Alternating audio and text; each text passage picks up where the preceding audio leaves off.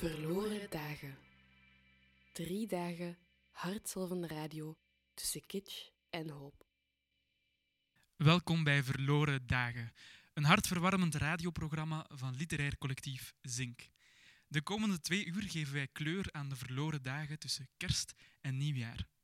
We vragen ons af of 2020 een jaar van verloren dagen was. En we gaan op zoek naar wat we dan net gewonnen hebben. We zenden drie dagen lang live uit vanuit de Nieuwe Tijd in Hartje Antwerpen. Ik ben Arno Boei en praat de verloren dagen aan elkaar. Met vandaag op het menu appeltaarten, kerstbrieven en Whitney Houston. En met een bijzondere gast. In verloren dagen spreken we met iemand die ons het voorbije jaar heeft geïnspireerd. Iemand waarmee we al lang eens in gesprek willen gaan. En vandaag is dat schrijfster Gaia Schoeters. Gaia, welkom. Dag Arno. Hoe gaat het? Prima, eigenlijk. Ik ben blij dat er iets nuttigs gebeurt op deze verloren dagen. Oh, super. Wij zijn heel blij dat jij naar hier wou komen. Ehm, zeg, ben jij toevallig vandaag al iets verloren? Ik ben vandaag nog niets verloren, denk ik. Mijn onschuld was ik al langer kwijt. Ik ben vermoedelijk wel ergens twee keer een half uur verloren met minder efficiënt zijn dan misschien gemoeten had. Oké, en heb je al iets gewonnen? Ik heb zeker al iets gewonnen. Ik heb Vertel eens. Van minstens drie mensen nieuwjaars- en kerstkaarten gekregen. En ik denk dat dat een van de vreemde dingen is die we dit jaar gewonnen hebben. Dat mensen weer echt dingen op papier schrijven. Omdat we zo doodgedigitaliseerd zijn dat we het weer de moeite vinden. Mhm. Ehm, als de mensen thuis trouwens nog iets ehm, hebben verloren of gewonnen en ze willen ons dat graag laten weten, we hebben daarvoor een antwoordapparaat uitgevonden. Eh, dat antwoordapparaat, daar kan u gewoon naar bellen. Dat springt meteen op, eh, ja, op de voicemail. En dan kan u ons laten weten wat u dit jaar verloren hebt en wat u gewonnen hebt. U belt daarvoor naar 0489 92 4221. Ik raam nog eens 0489 92 4221. Ziezo, we zijn nu echt begonnen met de verloren dagen. En Gaia, ik zou daarvoor graag, um, voor we met de rest van start gaan, een fragment van een boek voorlezen voor jou. Um, het is eigenlijk de eerste bladzijde van dat boek en het boek heet Inventaris van enkele verliezen van uh, Judith, Judith Schalansky. Schalansky. Voilà, inderdaad. Ik heb het hier ook liggen. Uh, dat zien de mensen thuis natuurlijk niet. Maar voilà, ik ga daar het begin uit voorlezen. En in dat begin beschrijft de schrijfster uh, wat ze tijdens de voorbereiding van haar boek, um, ja, wat daar verloren is gegaan en wat er gewonnen is. Ze zegt, tijdens het werken aan dit boek verbrandde de ruimtesonde Cassini in de atmosfeer van Saturnus. Sloeg de Marslander Schiaparelli te pletter op het roestige rotslandschap van de planeet die hij had moeten onderzoeken verdween een Boeing 777 spoorloos op weg van Kuala Lumpur naar Beijing. Stortte bij een aardbeving in Kathmandu voor de tweede keer de Dharahara-toren in. Stortte voor Malta het blauwe raam in de Middellandse Zee en moest men het laatste exemplaar van de noordelijke witte neushoorn laten inslapen. Tijdens het werken aan dit boek vond een Amerikaanse bibliothecaris in een envelop een aantal zilvergrijze plukjes haar van George Washington dook het verdwenen album Both Directions at Once van saxofonist John Coltrane op. Slaagde men erin afgeplakte bladzijden uit het dagboek van Anne Frank weer leesbaar te maken. En zagen ornithologen in een Braziliaanse savanne blauw oogsteenduiven. Ziezo. Gaia, wat ben jij het voorbije jaar verloren? Poeh. Ik denk dat we allemaal op een of andere manier heel veel vanzelfsprekendheden zijn verloren. Hoe bedoel je? We zijn allemaal uitgegaan van de vanzelfsprekendheid van onze vrijheden. En we zijn er het afgelopen jaar achter gekomen dat heel veel van die vrijheden veel minder vanzelfsprekend zijn dan we denken. Er is voor het eerst in mijn leven in elk geval, of voor het eerst in mijn leven binnen België, een beperking gekomen op waar ik heen mag gaan, wanneer ik daarheen mag gaan, Mhm. wie ik mag zien, of ik die al dan niet van dichtbij mag zien, of ik die mag omhelzen, of ik, of ik die mag kussen. Mhm. En dat zijn eigenlijk allemaal vrijheden waarvan ik ervan uitging dat ze voor eeuwig en voor altijd de mijne waren, aangezien ik een rotverwende West-Europeaan ben. Ja. En hoe kwam dat binnen? Die eerste keer dat je zo een zekerheid waarvan je dacht, dit is een zekerheid, dus ik moet er zelfs niet aan twijfelen, als je die moest ingeven. Wel, ik denk dat het hele vreemde aan hoe dit is gegaan een beetje het verhaal is van de kikker in het langzaam warm wordende water die gekookt wordt zonder dat hij het merkt. Als alles meteen van de eerste seconde was geweest zoals het was, dan hadden we waarschijnlijk allemaal tegelijk geroepen wat overkomt ons. Maar nu is er gaandeweg langzaam iets veranderd. En we vonden al die dingen wel begrijpelijk. En plots komt er een punt waarop je voor het eerst heel erg hard iets wil en merkt dat het niet kan of niet mag. En denkt, wacht eens even, hoe ben ik hier terechtgekomen? En dat is bijvoorbeeld het moment dat je denkt, ik heb nu behoefte aan het vastpakken van een vriend. En denkt, het is corona, ik mag niet vastpakken wie ik wil vastpakken. Dat vond ik heel raar. Kan je voor jezelf nog zo'n moment herinneren waar die, dat besef bij jou is binnengekomen? Ik denk dat het meest treffende moment voor mij het moment geweest is dat ik een doodsbrief in de bus kreeg van de vader van iemand die ik goed kende. En op die doodsbrief stond geen datum voor een afscheidsplechtigheid, want ook dat mocht niet. Zelfs ons afscheid nemen werd ons eigenlijk afgenomen. En ik vond dat een heel vreemde gewaarwording. Hoe ga je daar als kunstenaar, als schrijver mee om? Wel, we hebben daar denk ik ook weer op, op een manier op gereageerd waarop je daar dan als kunstenaar op reageert. En eigenlijk uit dat moment met die brief is het project Adieu gegroeid, waar we gedacht hebben, we moeten een soort van troostmoment gaan organiseren voor alle mensen die dat afscheid wordt ontzegd. We moeten op begraafplaatsen iets gaan doen met muziek, met poëzie, om toch een soort van warmte, een soort van, ja, wat Kate Tempest dan connection zou noemen. Samen hetzelfde voelen, omdat je samen kunst voelt binnenkomen. Mm Wil je voor de mensen die Adieu, uh, die, die nog niet, dat, dat project nog niet kennen, wil je kort even uitleggen hoe jullie daaraan begonnen zijn en uh, ja, wat er te zien was? Ja, ik ben eigenlijk een beetje per toeval tijdens een brainstormmoment met de 1, 2, 3 piano, een initiatief van Frederik Sion, geraakten we aan de praat. En ik wilde iets doen met dat afscheid en die begraafplaatsen. Zij doen normaal gezien iets met mobiele piano's, maar dat mocht niet, want het was corona en piano's moesten dan altijd ontsmet worden. Dus zij zochten ook iets. Mm -hmm. En vrij snel zijn we dan tot de conclusie gekomen van we kunnen eigenlijk samen iets gaan doen. We plaatsen die mobiele piano op begraafplaatsen en we gaan daar elf zondagen lang elke zondag naast die piano een dichter en een zanger neerzetten en we maken gewoon 45 minuten iets moois. Wat tegelijkertijd een moment van rouw en afscheid is, maar ook een soort viering van het leven en, en iets waar heel veel liefde in zit. Want uiteindelijk, als we rouwen, is dat om mensen waar we van houden. -hmm.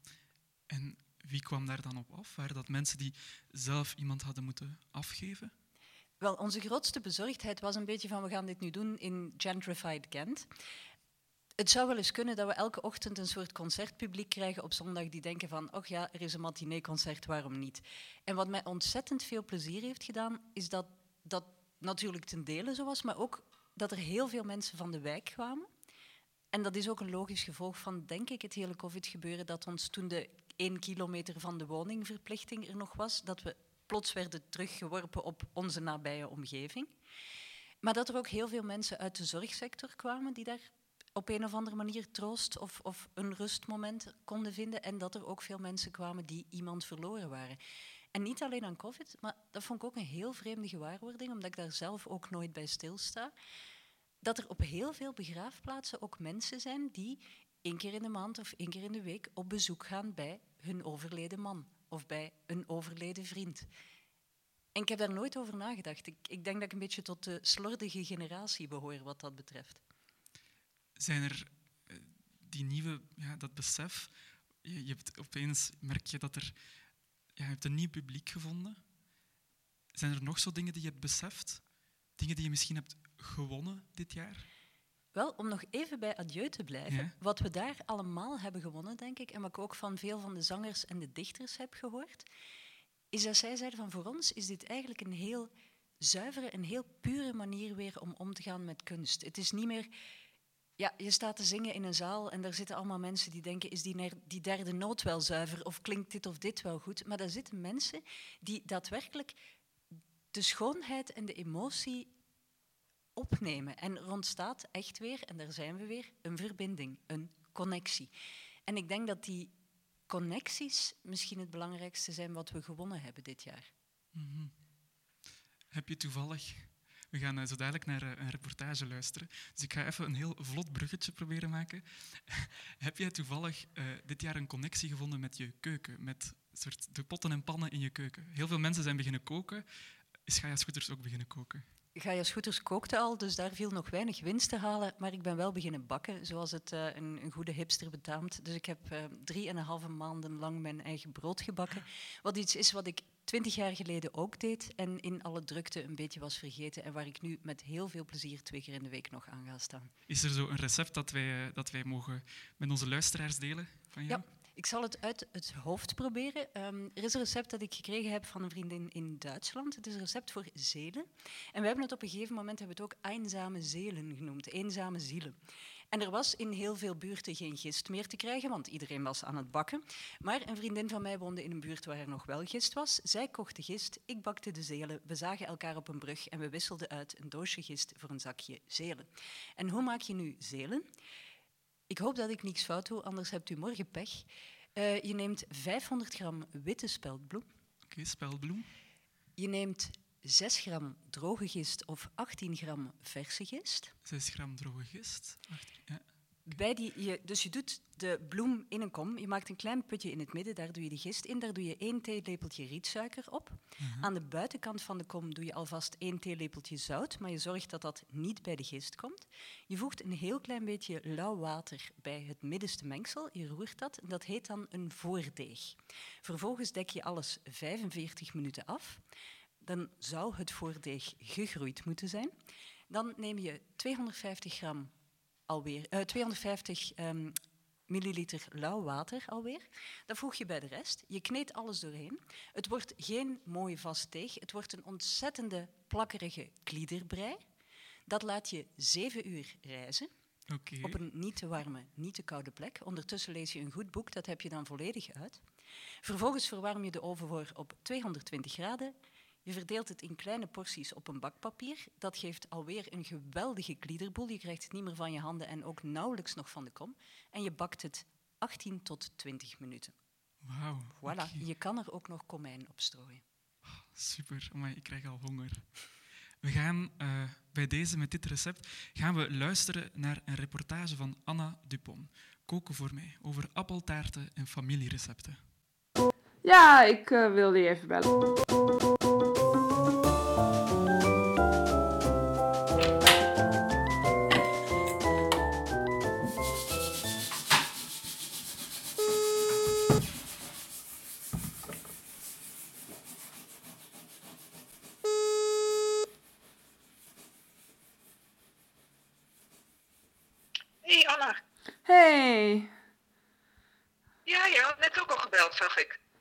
Ik uh, wilde je even bellen.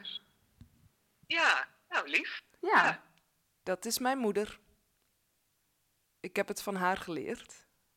Het eten eerst en daarna het koken. Uh, wat betekent koken voor mij? Um, koken betekent lekker eten. En um, heeft ook voor mij heel veel te maken met uh, eigenlijk met mijn handen in de aarde, omdat ik natuurlijk een moestuin steeds heb gehad. Uh, dus eigenlijk ook heel erg een soort oercontact met, met, um, ja, met, met het aardse. Het is ook iets uh, sociaals, vind ik. Omdat um, koken is het leukste als je dat doet voor uh, meerdere mensen. Voor als er bezoek komt, dan mag ik graag koken. Ik vind het leuk, ik heb er plezier aan. Ze leerde me smaken en structuren kennen. Ze liet me zien hoe spinazie groeit, hoe appels aan een boom hangen en hoe boerenkool uit de grond schiet. Ik heb wel proberen jullie uh, ja, bij te brengen, niet altijd bewust, om uh, goed te eten, goed met voedsel om te gaan. En nou, dat is blijkbaar aangeslagen, want als wij bij elkaar zijn, dan gaan we het liefst koken. Bij mijn ouders thuis is een grote open keuken. Ik, mijn moeder en mijn zus kunnen er met z'n drieën tegelijk bezig zijn met koken en kletsen. En hoe was dat dan vroeger, vroeger voor jou? Wanneer ben je begonnen met koken? Uh, in de opleiding voor gezinsverzorging. Daar hadden we kookles. ja, op een gegeven moment moest ik gaan bedenken wat ik wilde gaan doen na de middelbare school. En het was bij ons, omdat we eigenlijk heel weinig geld hadden, echt wel gericht op een beroep wat je snel kon gaan uitoefenen. En ik wist het helemaal niet. En toen hoorde ik van iemand die ging dat doen, dacht ik, oh, dat lijkt me ook wel leuk.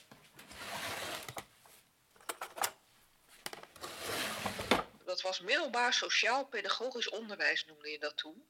En daar leerde je eigenlijk ehm, een huishouden te draaien. Weet je wat, we hadden vakken als budgetteren.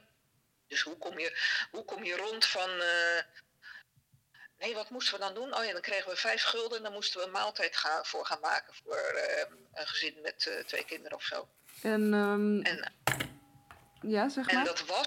Kijk, tegenwoordig bestaat het niet meer, maar nou, ik kwam dan te werken in gezinnen waar bijvoorbeeld de moeder in het ziekenhuis lag en dan moest je dat gewoon draaiende houden. En dan mocht je vroeger de hele dag zijn, de hele week, vijf dagen. Want Dat de man, niet meer. de man die kon dat natuurlijk niet.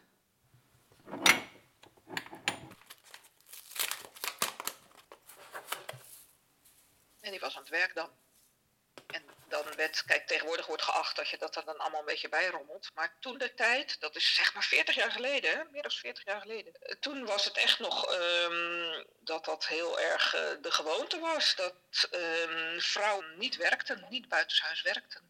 En eh, gewoon voor de kinderen zorgden en het huishouden en koken en boodschappen. En als zij dan uitvielen, ja, dan moest, moest dat over, dan werd dat overgenomen. Dus eigenlijk ben je een professionele moeder. Nou, een professionele. ehm, ehm, eh, nou, nee.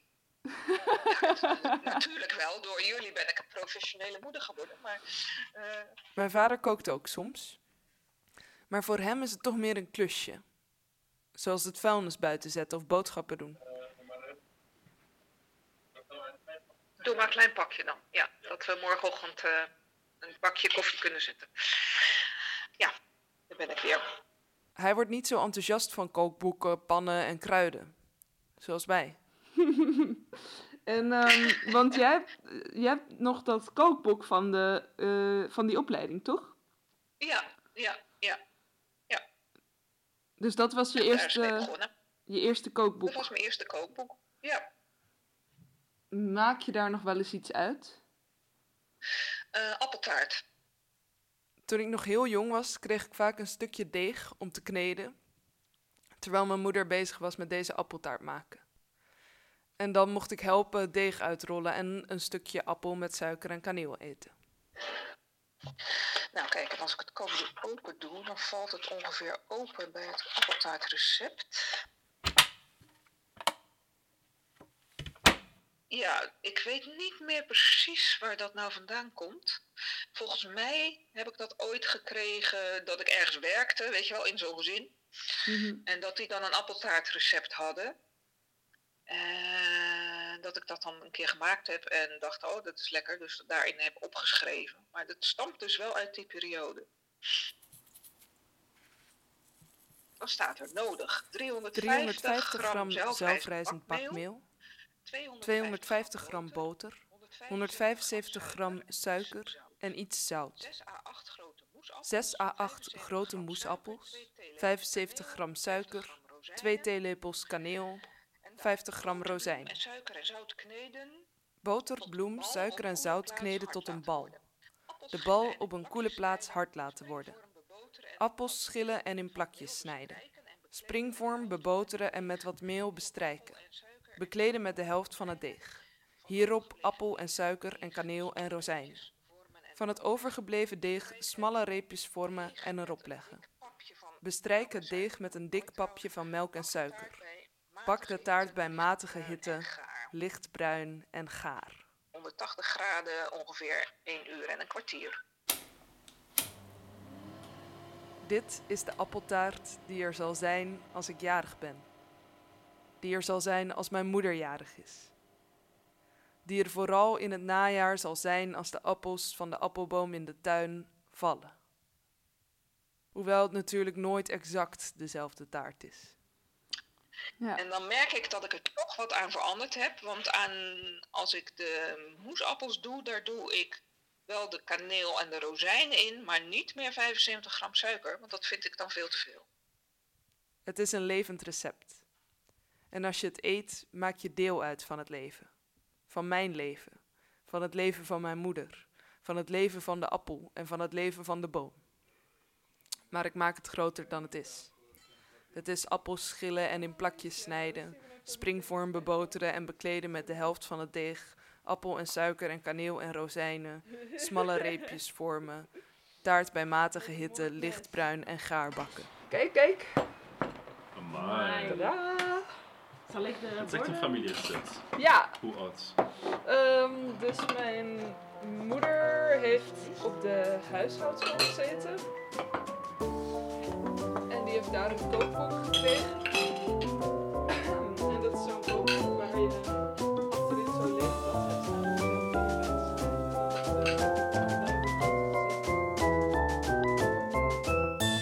luisterde naar Coco voor mij, een reportage van Anna Dupont.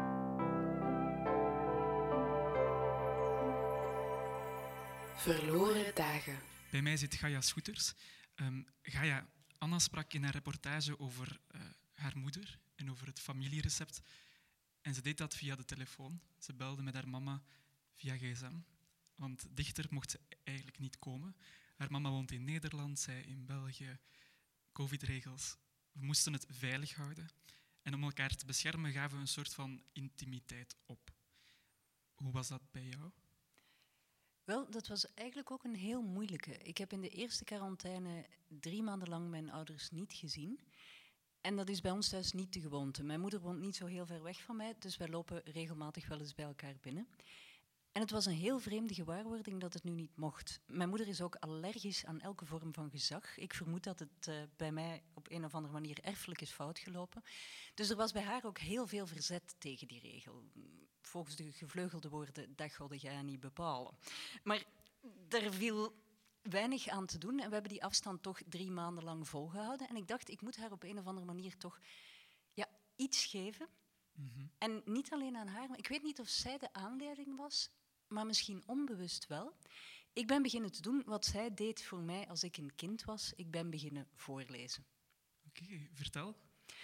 Wel, op een gegeven moment, zodra de eerste quarantaine inging, en ik kan echt niet rationeel verklaren waarom, heb ik besloten, ik ga elke dag op Facebook iets voorlezen. De eerste twee, drie, vier pagina's van een boek dat iets voor mij betekent. Oké. En dat is iets wat jouw moeder vroeger voor jou deed? Mijn moeder las heel vaak voor, ehm, las heel vaak s'avonds voor. Ik kon ook wel vrij snel zelf lezen, maar dat, dat voorlezen is gebleven omdat het toch iets aangenaams is, vind ik. Het is een andere manier van naar een boek kijken.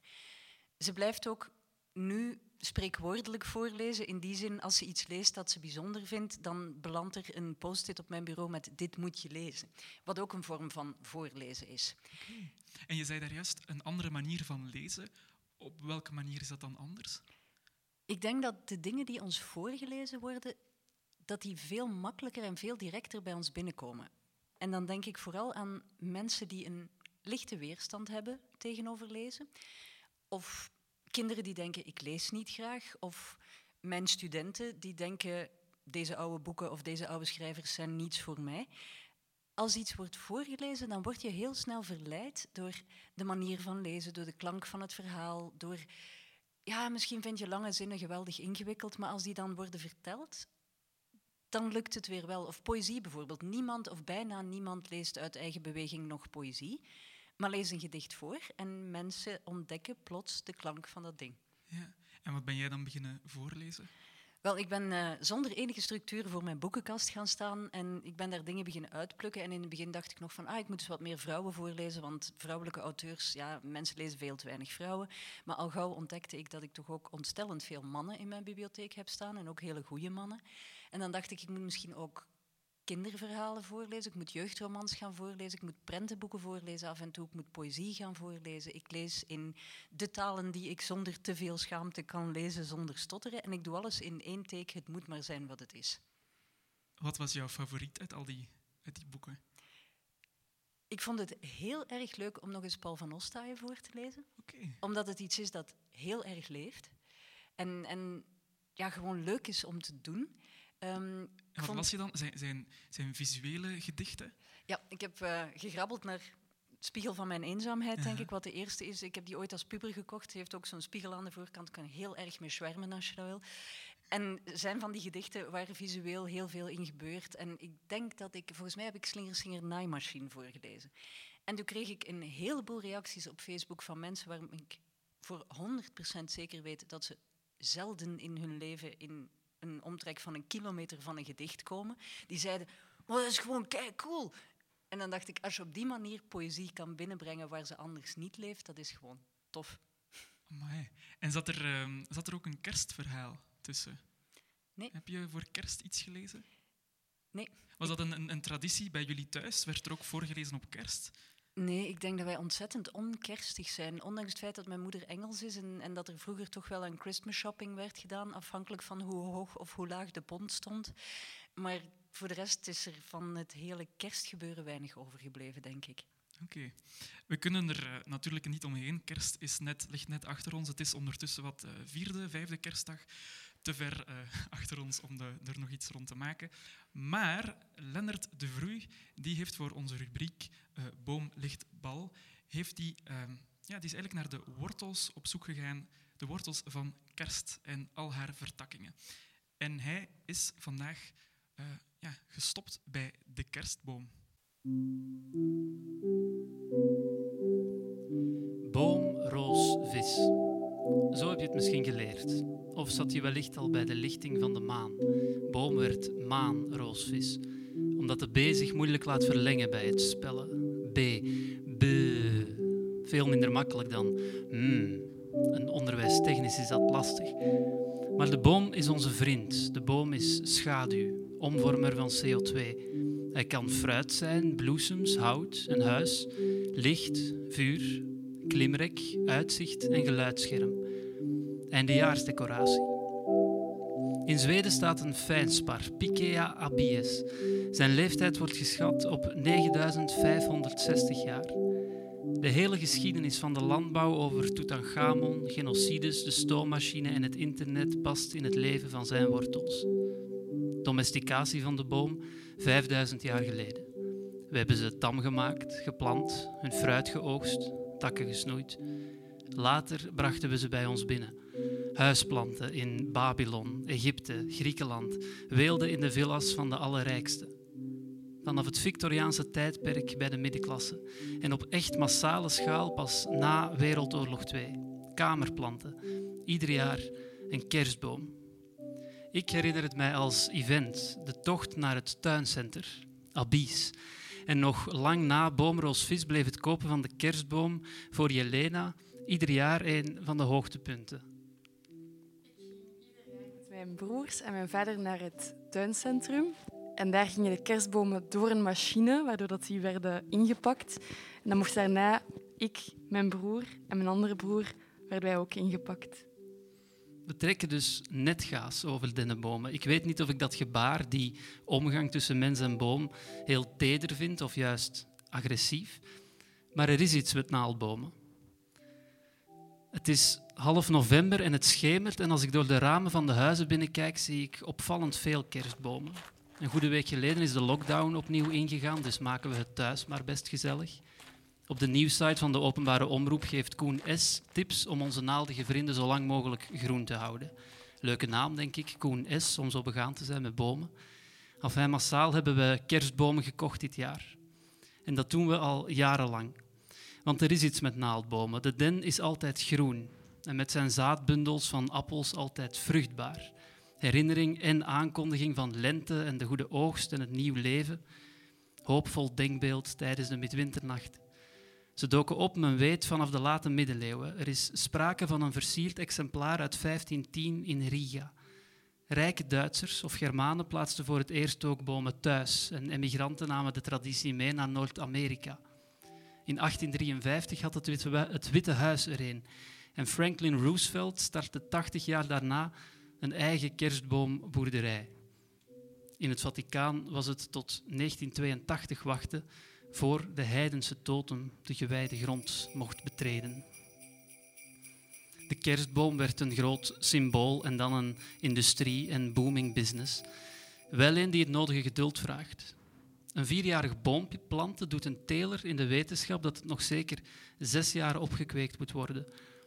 Oogsten doen we er alleen in België ieder jaar miljoenen. Vrachtwagens vol dennen pieken in de exportstatistieken. En na gedane zaken hoge stapels hout, een kleine partytent met chocolademelk en glühwein, een praatje met de buren. Anno 2020 doet men het op Rockefeller Square met een tamelijk schrale Christmas tree. Staat de hoogste boom misschien in Rio de Janeiro en de duurst gedecoreerde nu eens in Marbella en dan weer in Abu Dhabi. De kerstboom voor een loodgietersbedrijf in Kortrijk is groter dan die op de grote markt in Brussel, die na 27 jaar uit de tuin van Hotel La Chaumière du Lac in Robertville, de Hoge Venen, is gehaald. Hoe lang gaan we daar nog mee door? De experimentele lichtinstallatie op diezelfde grote markt in Brussel werd na die ene keer in 2012 nooit meer teruggezien. Want na het omdopen van onze kerstmarkten tot winterpret kon het schrappen van een echte boom er niet meer bij. Voor de Pikea ABS in Zweden is de kerst- en boomcultuur van een paar eeuwen mogelijk slechts een voetnoot. Maar wij doen op zijn minst nog zes jaar verder. De telers zijn nog niet gestopt met planten.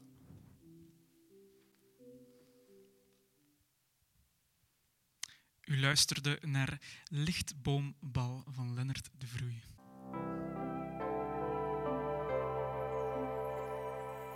Verloren dagen. Elke dag nodigen wij bij Verloren Dagen ook een muzikant uit, een jonge muzikant.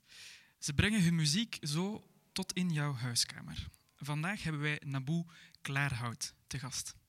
Ze zit al op ons podium klaar en aan haar voeten heeft ze een, eh, een blinkende goudkleurige trombone. Naboe is jazzmuzikante. Als tromboniste speelt ze in verschillende bezettingen, maar vandaag zit ze hier bij ons solo. Beste luisteraar thuis, zet u gemakkelijk, zet u in de zetel, zet u onder uw kerstboom en geef haar een warm applaus. We horen het misschien niet, maar we voelen het wel. Dit is Naboe Klaarhout met Ciro Stratis.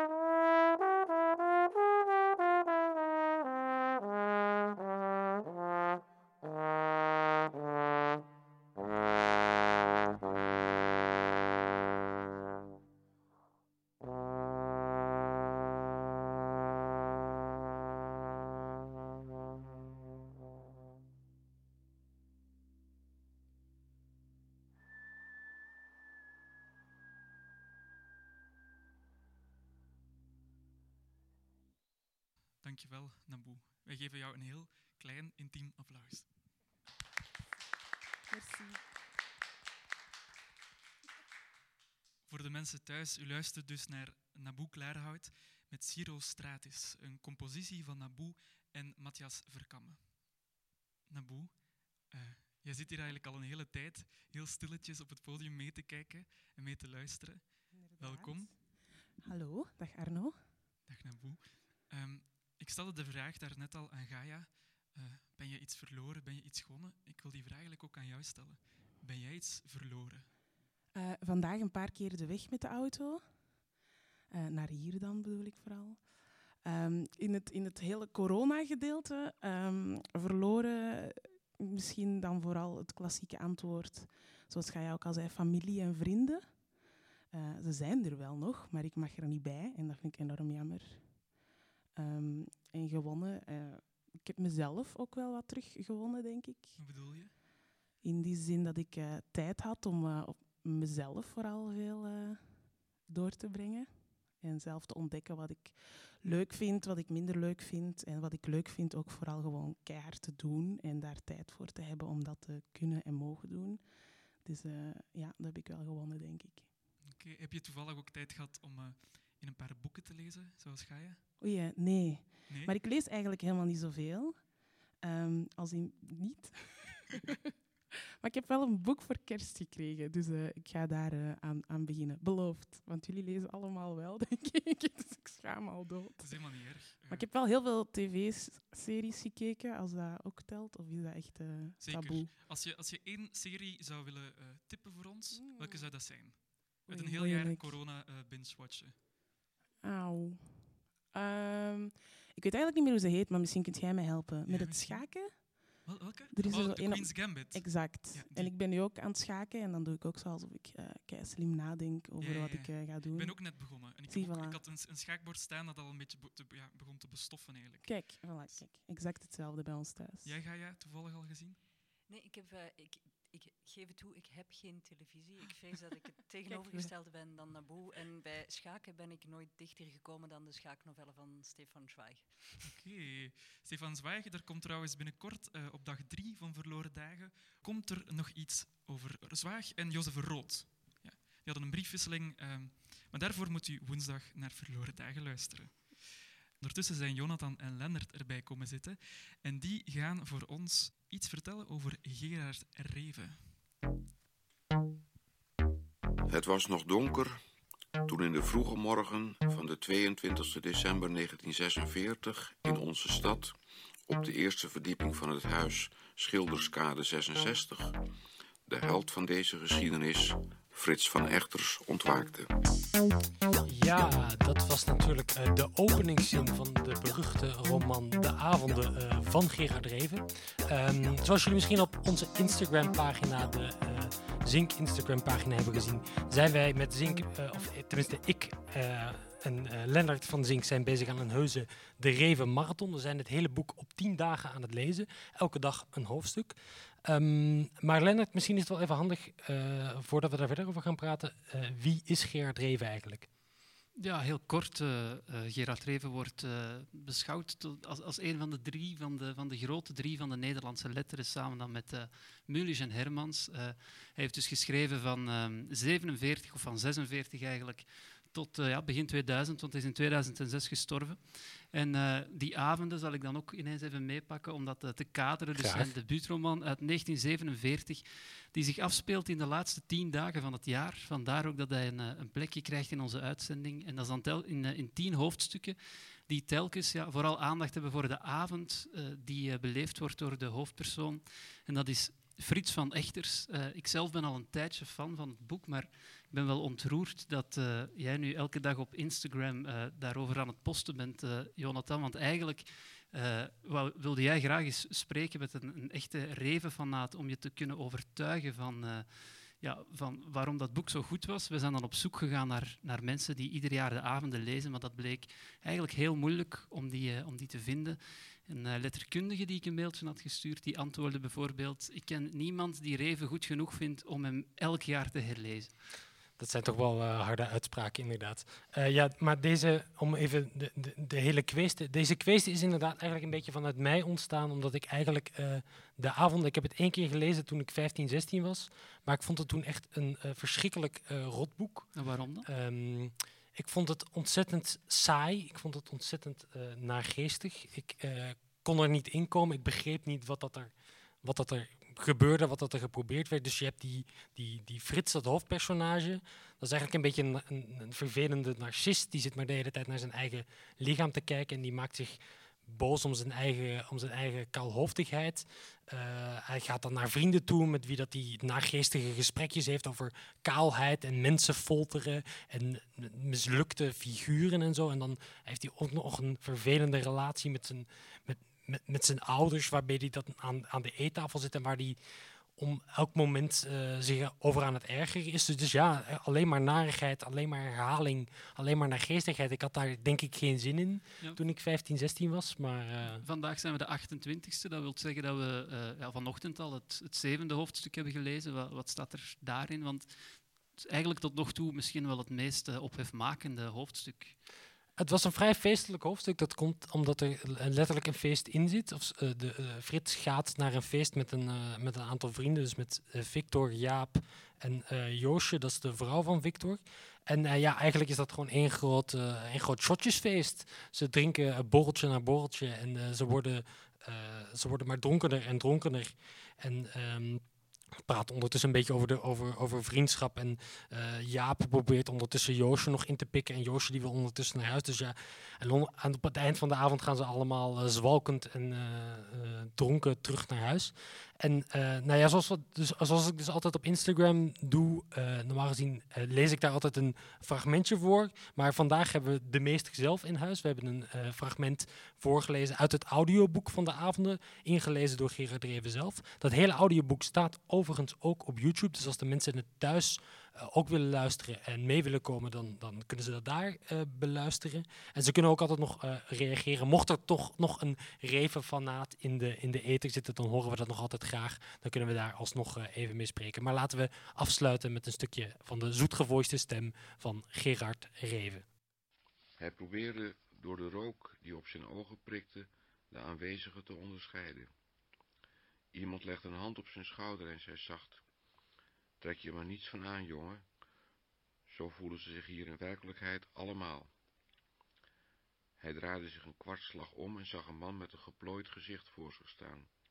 Heel hartelijk, zei hij en schudde de onbekende de hand. Daarna begaf hij zich terug naar zijn tafeltje. We moeten altijd vrienden blijven, zei hij, zich vooroverbuigend en zijn hoofd steunend op zijn linkerhand.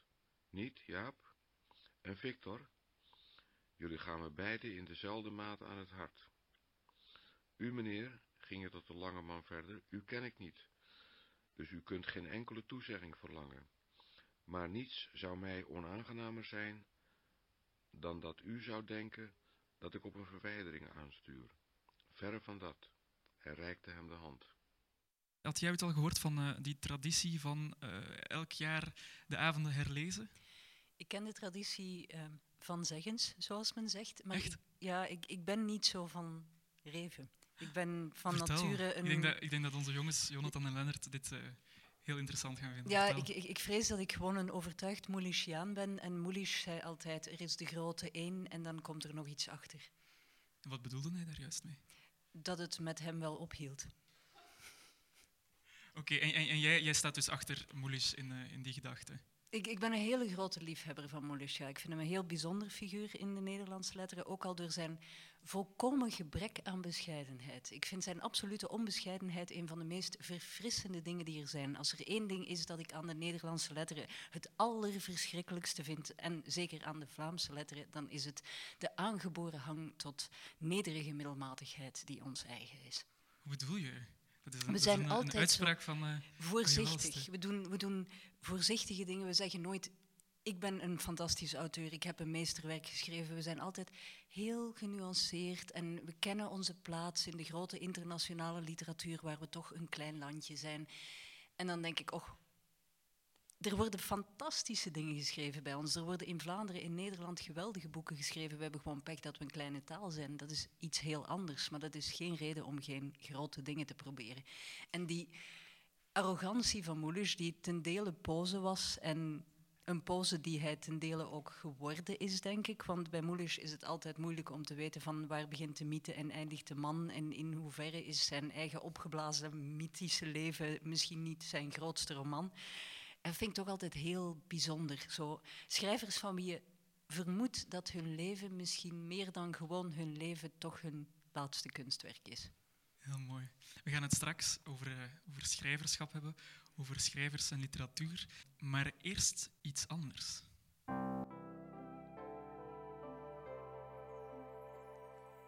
Verloren dagen. Er staat een beetje Whitney Houston op het menu. En uh, daar gaat onze kok van dienst, Danny de Jong. Ik zal meteen beginnen. Mijn mythische verhaal begint bij de vier seizoenen. En dan heb ik het niet over het muziekstuk, de vier seizoenen, maar effectief de vier seizoenen. Daar werken we namelijk rond. Wij krijgen een brief mee van onze basisschool dat wij een witte maillot en een wit t-shirt moeten meebrengen. En wij denken daar niet al te veel over na. En mijn moeder die kocht er een aantal bij de Zeeman. En de laatste week voor de kerstvakantie doen wij namelijk een project met Scapino Ballet in de klas. Ik heb mijn maillot mee en in de klas maken we een bijpassend kostuum bij het seizoen dat we uitbeelden. De lente. Groep 2, de vijfjarigen, doen de lente. We maken bloemetjes met rietjes en kreppapier, paarse bloemetjes. Sprieten met stuifmeel op onze hoofdjes. En dan gaan we naar de gymzaal. In onze pakjes, waar we dan een hele namiddag ronddansen. En dat vond ik fantastisch. Er bloeide dan ook een wereld voor me open. Samen dansten we alsof we bloemen waren. Het is donderdagavond. De overblijfzaal wel, ik zal voor de Vlamingen even uitleggen wat een overblijfzaal is. Dat is namelijk de plek waar je tussen de middag, uh, waar de mensen die niet thuis mogen eten, uh, over moeten blijven om daar hun boterhammen op te eten. En die zaal is voor de gelegenheid omgebouwd tot een theater. De twee kasten met herbruikbare bekers, waar je dan melk of fristie of één keer per week chocomel uit mag drinken, die doen dienst als coulisse. En daar waar normaal de gang is, is nu een podium. Er zijn lampen, decor en vooral veel stoelen voor het publiek. En elke klas zal daar om beurten hun dans laten zien. En daar gaan we. Als de muziek begint, zitten wij allemaal al klaar op onze hurkjes, in elkaar gedoken. En vervolgens geeft iemand een teken. En één voor één komen we langzaam uit als mooie bloemetjes. Waarna we een aantal groepsbewegingen doen, al dansend op tenen, in cirkels, zwaaiend met onze armen. En als er iets fout gaat, of als je het niet meer weet, dan doe je gewoon alsof het erbij hoort. In die avond thuis heb ik nog altijd mijn zelfgemaakte bloemenpak aan. Op de achtergrond klinkt Whitney Houston, de hit van het moment I Will Always Love You. Mijn vader heeft zijn nieuwe camera vast waarmee hij ook de dansvoorstelling heeft gefilmd. Maar nu richten ze de camera op een kleine kartonnen krokus in een witte maillot voor de kerstboom. Met een soort runners high van het dansoptreden geef ik daar een klein optreden. I will always love you. Wanneer ik I love you zing, lijkt het alsof ik precies weet wat houden van betekent. Voor de kerstboom maak ik bijpassende dansbewegingen met mijn armen met mijn benen. Ik sluit af en toe mijn ogen. En soms verdwijnt de wereld even. And I hope life treats you kind. And I hope you have all you dreamed of. Fonetisch zing ik de tekst mee, soms meer klank dan woorden, maar volgens mij begrijp ik best goed wat er gezegd wordt. En dan is er een stilte in de muziek. De stilte voor de uitbarsting. Vol spanning kijk ik in de camera. En na een seconde val ik uit volle borst in. And I. Psycholoog Ellen Downs beschrijft in het boek The Velvet Rage de schaamte die de homoseksuele jongen beleeft bij het opgroeien. Hoe de jongen gevoelens ontdekt en beslist om ze beter voor zichzelf te houden. Hij wil de liefde van zijn ouders niet kwijtraken. Een essentieel deel van wie hij is houdt hij achter, steeds meer. Er blijft een schil, een buitenkant over, waar hij perfecte controle over heeft. Eentje die als een chameleon kan meeveranderen, zodat de buitenwereld niks merkt ten koste van zijn eigen waarde. Downs beschrijft een proces dat, dat velen op latere leeftijd al ver weggestoken hebben. Ik herinner me hoe ik acht was en ik met mijn moeder op de jaarlijkse braderie aan het kraampje van de balletschool stond. Hé, hey, dat, is, dat is toch wel iets voor jou? En dat ik me doodschaamde. Bang om gezien te worden door iemand die ik kende, zeer bewust van de connotatie die, die rond jongens op ballet hing. En jaren later, op de middelbare school, las ik Zilver of Het Verlies van de Onschuld. Een boek uit het standaard boekenpakket dat we ieder jaar bestelden via school. En ik weet nog hoe ik zwetend en, en trillend las op mijn bed hoe Zilver zocht naar zijn seksuele identiteit. En ik durfde het boek uiteindelijk ook niet te bespreken voor mijn leerkracht Nederlands. Uiteindelijk heb ik op het laatste moment dan maar een boek besproken dat ik ook helemaal niet gelezen had. En dan was er de film Beautiful Thing. Jamie en Stu, twee tieners uit de Engelse onderklasse die verliefd op elkaar werden. S'avonds laat op de kleine televisie die boven mijn bed hing, zag ik ze. Of veel uit het midden van de wereld.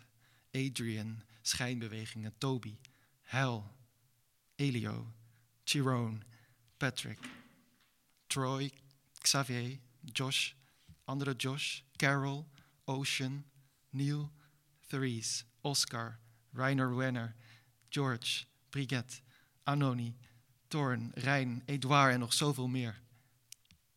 Die er beetje bij beetje voor zorgden dat ik terugkeerde bij het houden van. Zoals toen ik vijf was en voor die kerstboom stond, ronddanste en met een lach op mijn gezicht mijn ogen sloot. But above all this, I wish you love. En ik weet echt wel dat I Will Always Love You een ontzettend sentimenteel nummer is. Maar ondanks dat blijft het een nummer waar ik nog altijd heel erg warm van word. En ik draag dit nummer op, deze ode bedoel ik, op aan Whitney Houston, maar ook aan alle personages en rolmodellen die onderweg voorbij kwamen. De pakkende ode van Danny de Jong aan alle LGBTQ-rolmodellen. Um, op zoek naar meer hartverwarmende nummers, zoals uh, dit nummer van Whitney. Um, wel, wij bij Zink hebben een hele hoop hartverwarmende nummers voor deze verloren dagen uh, bij elkaar gesprokkeld en gebundeld in een afspeellijst, die je gewoon uh, voor niets, voor gratis en voor niets, op Spotify kan vinden. je vindt die onder de titel Zink hartverwarmende playlist, om je verloren dagen nog wat mee te zalven. Brieven, schrijvers, correspondenties. Tijdens I Will Always Love You is Jelena Schmidt erbij komen zitten. Jelena, welkom. Dank u wel. Jij brengt voor ons elke dag een, uh, een brief mee, brieven. Inderdaad. Um, ik hou sowieso van schrijvers en van brieven. En ik heb voor deze drie verloren dagen um, drie brieven gekozen die zich afspelen tussen kerst en nieuwjaar, vooral in de winterperiode, van heel verschillende auteurs. Van welke auteur heb je vandaag brieven meegenomen? Vandaag heb ik drie brieven meegenomen van Sylvia Plath. Oké, voor de mensen thuis die Sylvia Plath uh, niet kennen, wie is Sylvia Plath? Sylvia Plath is een vrij bekende schrijfster en dichteres, vooral bekend van de Bell Jar. Het was voor mij voor deze brievenrubriek um, eigenlijk ook gewoon een grote naam, ook echt een feministe. Maar ik, ik had er eigenlijk nog niks van gelezen. Maar dan ben ik toch naar de bibliotheek gegaan en heb ik haar brieven uh, gelezen. En het is eigenlijk een vrouw die ook op jonge leeftijd gestorven is. Ze heeft zelfmoord gepleegd op, denk ik, 31-jarige leeftijd.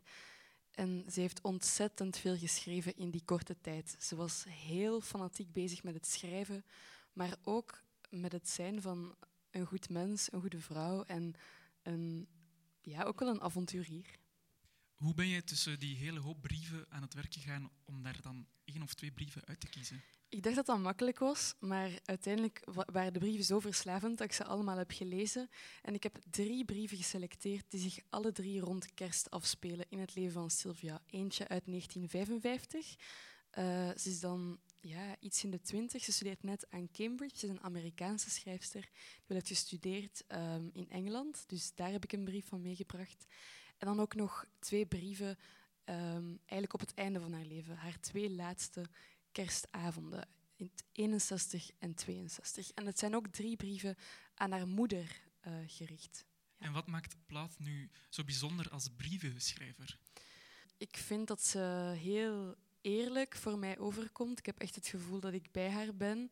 Ze schrijft niet alleen over de grootste dingen, maar ook echt over de details, de hazelnootkoekjes die haar moeder haar stuurt. Um, en wat wel interessant is, dat ja, de ene brief kan heel ja, vrolijk zijn en de, de brief erna is dan meer verdrietig. Dus je bent, begint wel echt na te denken van wat, wat voelt Sylvia of hoe schrijft ze. Ze stuurt ook vaak gedichten um, naar haar moeder.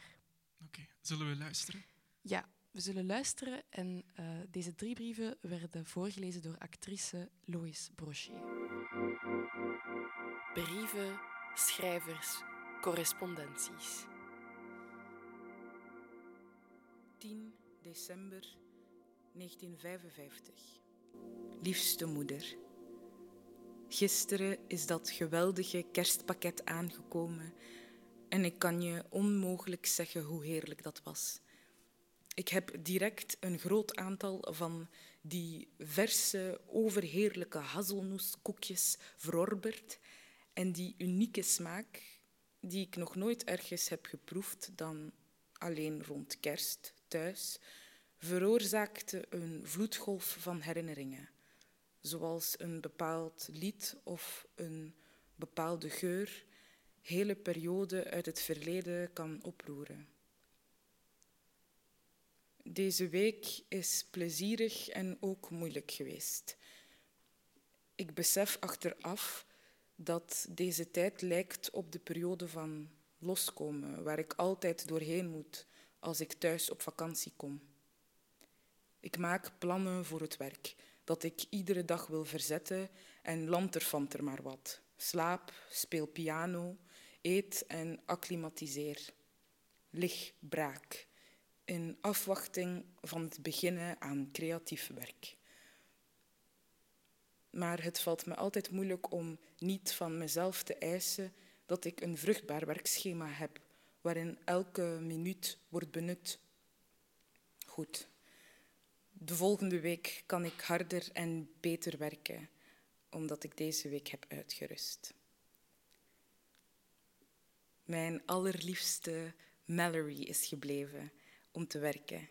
En is iedere dag op de thee gekomen en we hebben samen de avond doorgebracht.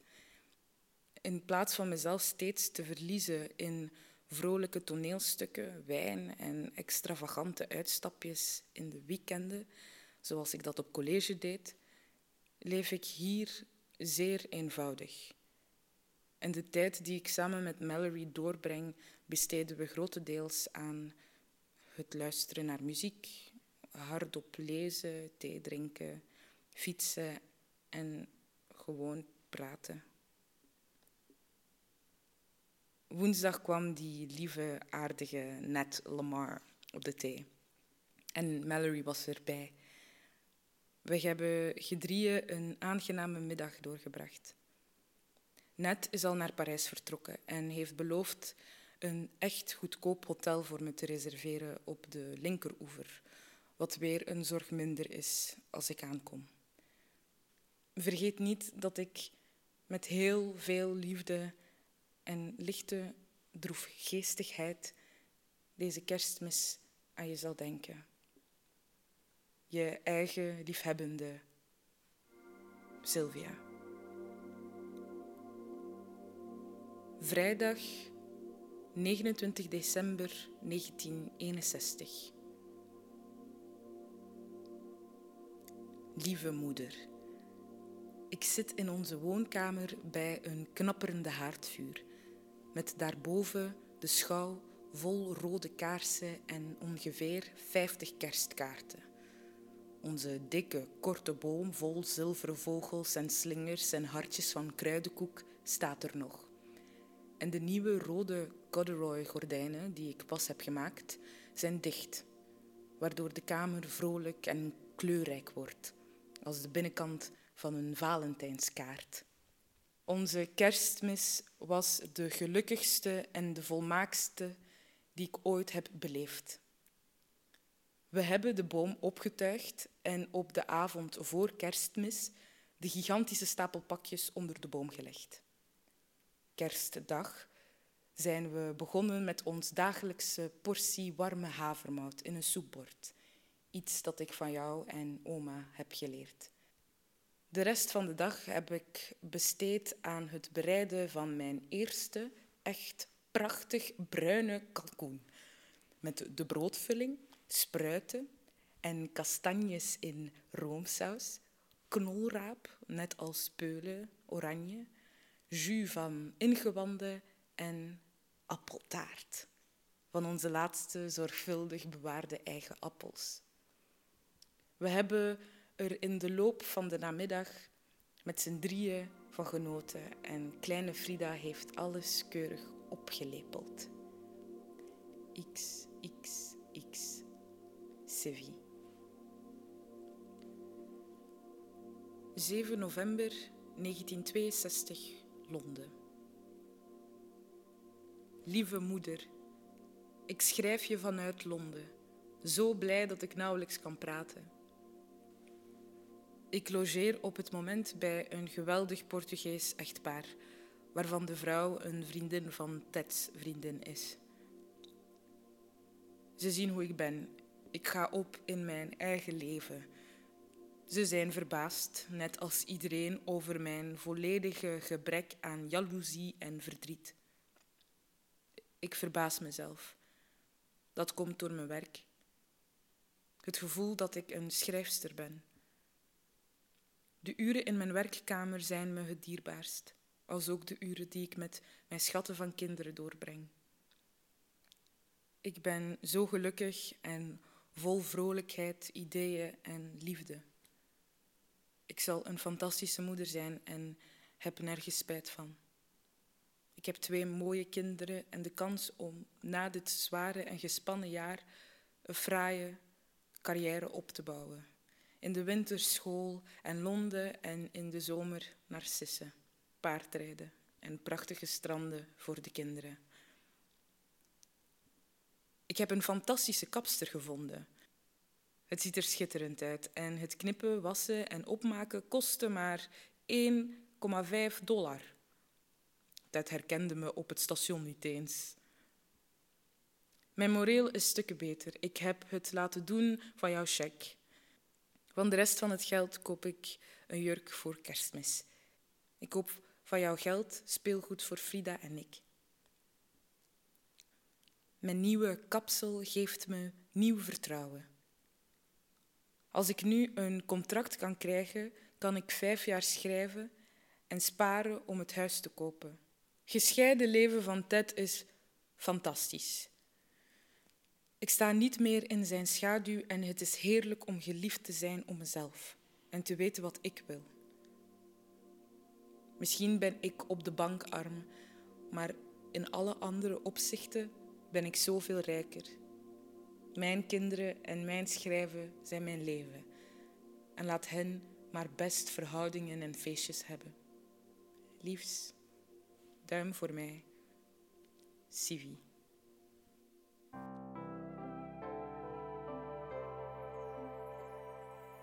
Verloren dagen. Gaia, brieven. Je bent schrijfster. Schrijf je ook brieven? Ik schrijf nog steeds brieven, ja. Aan wie schrijf je die? Ik schrijf brieven aan de mensen die mij dierbaar zijn en aan de mensen van wie ik hou. Omdat ik denk dat een brief toch nog altijd iets anders is dan een e-mail.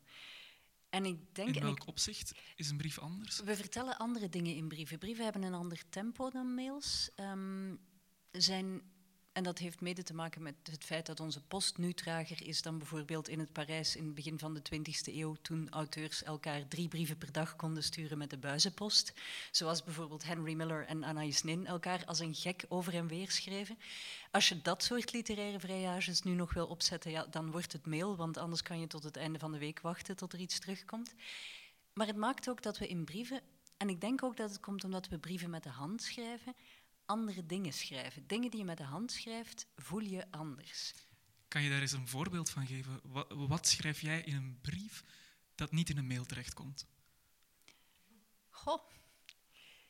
Ik denk dat je in een brief ten eerste meer de essentie schrijft. Ik denk als je begint te tikken, en zeker omdat ik heel veel van de dingen die ik als auteur schrijf ook tik, ja, dan ben je eigenlijk toch ook een beetje aan het schrijven alsof je aan het schrijven bent. Dus er komt een uitweiding, er komt een verwijzing, er komt een stuk tussendoor, terwijl je in brieven misschien het toch allemaal inkookt tot wat je eigenlijk wil zeggen. Alhoewel dat ook weer onzin is, want ik heb ooit eens iemand, en als ze dit nu hoort, weet ik dat ze zal lachen, een liefdesbrief geschreven van op zijn minst 180 pagina's. 180 pagina's? Ja, en het is niet goed gekomen. Nee. Maar hoe, hoe breng je daar structuur in, in zo'n brief dan, van 180 bladzijden? Uh, waar begin je en waar eindig je? De structuur was in dat geval vrij eenvoudig. Ik ben wanhopig, zie nu dat ik de ware ben. En dat gebeurde niet. Schrijf jij brieven als schrijfster of schrijf jij brieven als mens? Ik denk dat ik brieven schrijf als mens. En dat is natuurlijk heel dom, want als ik ooit mijn correspondentie bij privédomein wil uitgeven, zou ik er goed aan doen brieven te schrijven als schrijfster. Maar op een of andere reden mengen die twee dingen zich niet. En misschien is dat maar goed, want wil dat zeggen dat er nog iets ongefilters terug te vinden is waar ik geen controle over heb. Dus terwijl jij schrijft, denk je niet, mm, dit kan ooit gepubliceerd worden? Nee, ik zal eerder geneigd zijn om dat dan weer bij mails te denken. En tegelijkertijd is dat eigenlijk een heel. Ja, ik vraag mij altijd af, en ik zag onlangs in een interview dat Joost de Vries zich dat ook zat af te vragen. Wat moet er nu eigenlijk gebeuren met onze archieven?